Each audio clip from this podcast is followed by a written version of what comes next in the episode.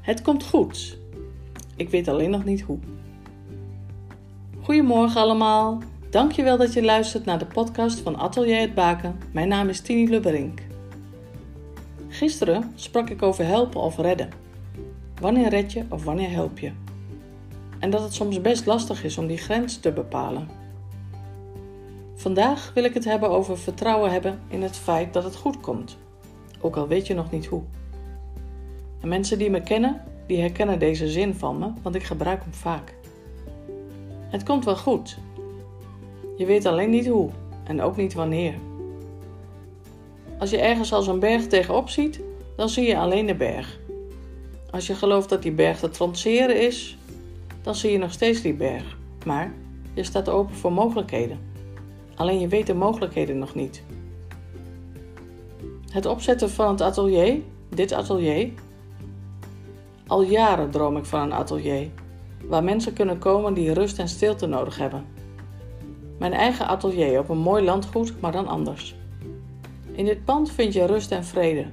Het is prachtig gelokaliseerd en behalve de natuur ligt het ook net buiten de stad en is het makkelijk bereikbaar. Het pand heeft ateliers en ruimte om ontspanningsoefeningen te doen en om in meditatie te gaan. Er is mogelijkheid om te overnachten voor een paar mensen. Creatief bezig zijn, creativiteit ontdekken, herontdekken en gebruiken is een van de pijlers van mijn atelier met daarnaast een stukje coaching. Dit is een mooie droom waarvoor ik bid. Ik kijk naar de situatie van nu en ik kijk nog heel even terug naar begin 2020. Zoals bij veel mensen is 2020 een jaar geworden van veranderingen. Plannen die niet meer doorgingen. Andere klussen die indirect in verbinding stonden met elkaar afgelopen. De situatie compleet veranderd. Van het ontwikkelen van mooie projecten waar we veel mensen mee konden helpen, naar niks. Naar weer terug bij af. Een financiële aderlating, waarbij gespaard geld opging aan rekeningen. En ik moest roeien met blote handen, omdat er geen geld voor riemen is. Ik moet toegeven, het liep me niet onberoerd en ik heb echt tijd nodig gehad om het te herpakken en door te gaan. Gelukkig kon ik doorgaan, want er gingen andere deuren open. En het atelier, in aangepaste vorm, die krijgt een nieuwe fundering en een ander ontwerp, waarmee ik heel blij ben. En dat heeft me dat dan ook gebracht. Maar hoe kom ik vanuit deze situatie aan een klooster op een mooi landgoed? Nu, wonend in een huurhuis in de stad, wel bosrijk, niet stil, wel aan het baken, maar ik kan hier geen live atelier voor gasten zijn vertrouwend op dat het goed zal komen. Nu ben ik de fundering aan het leggen en bouw ik een brug of een lift om toch die berg te kunnen trotseren.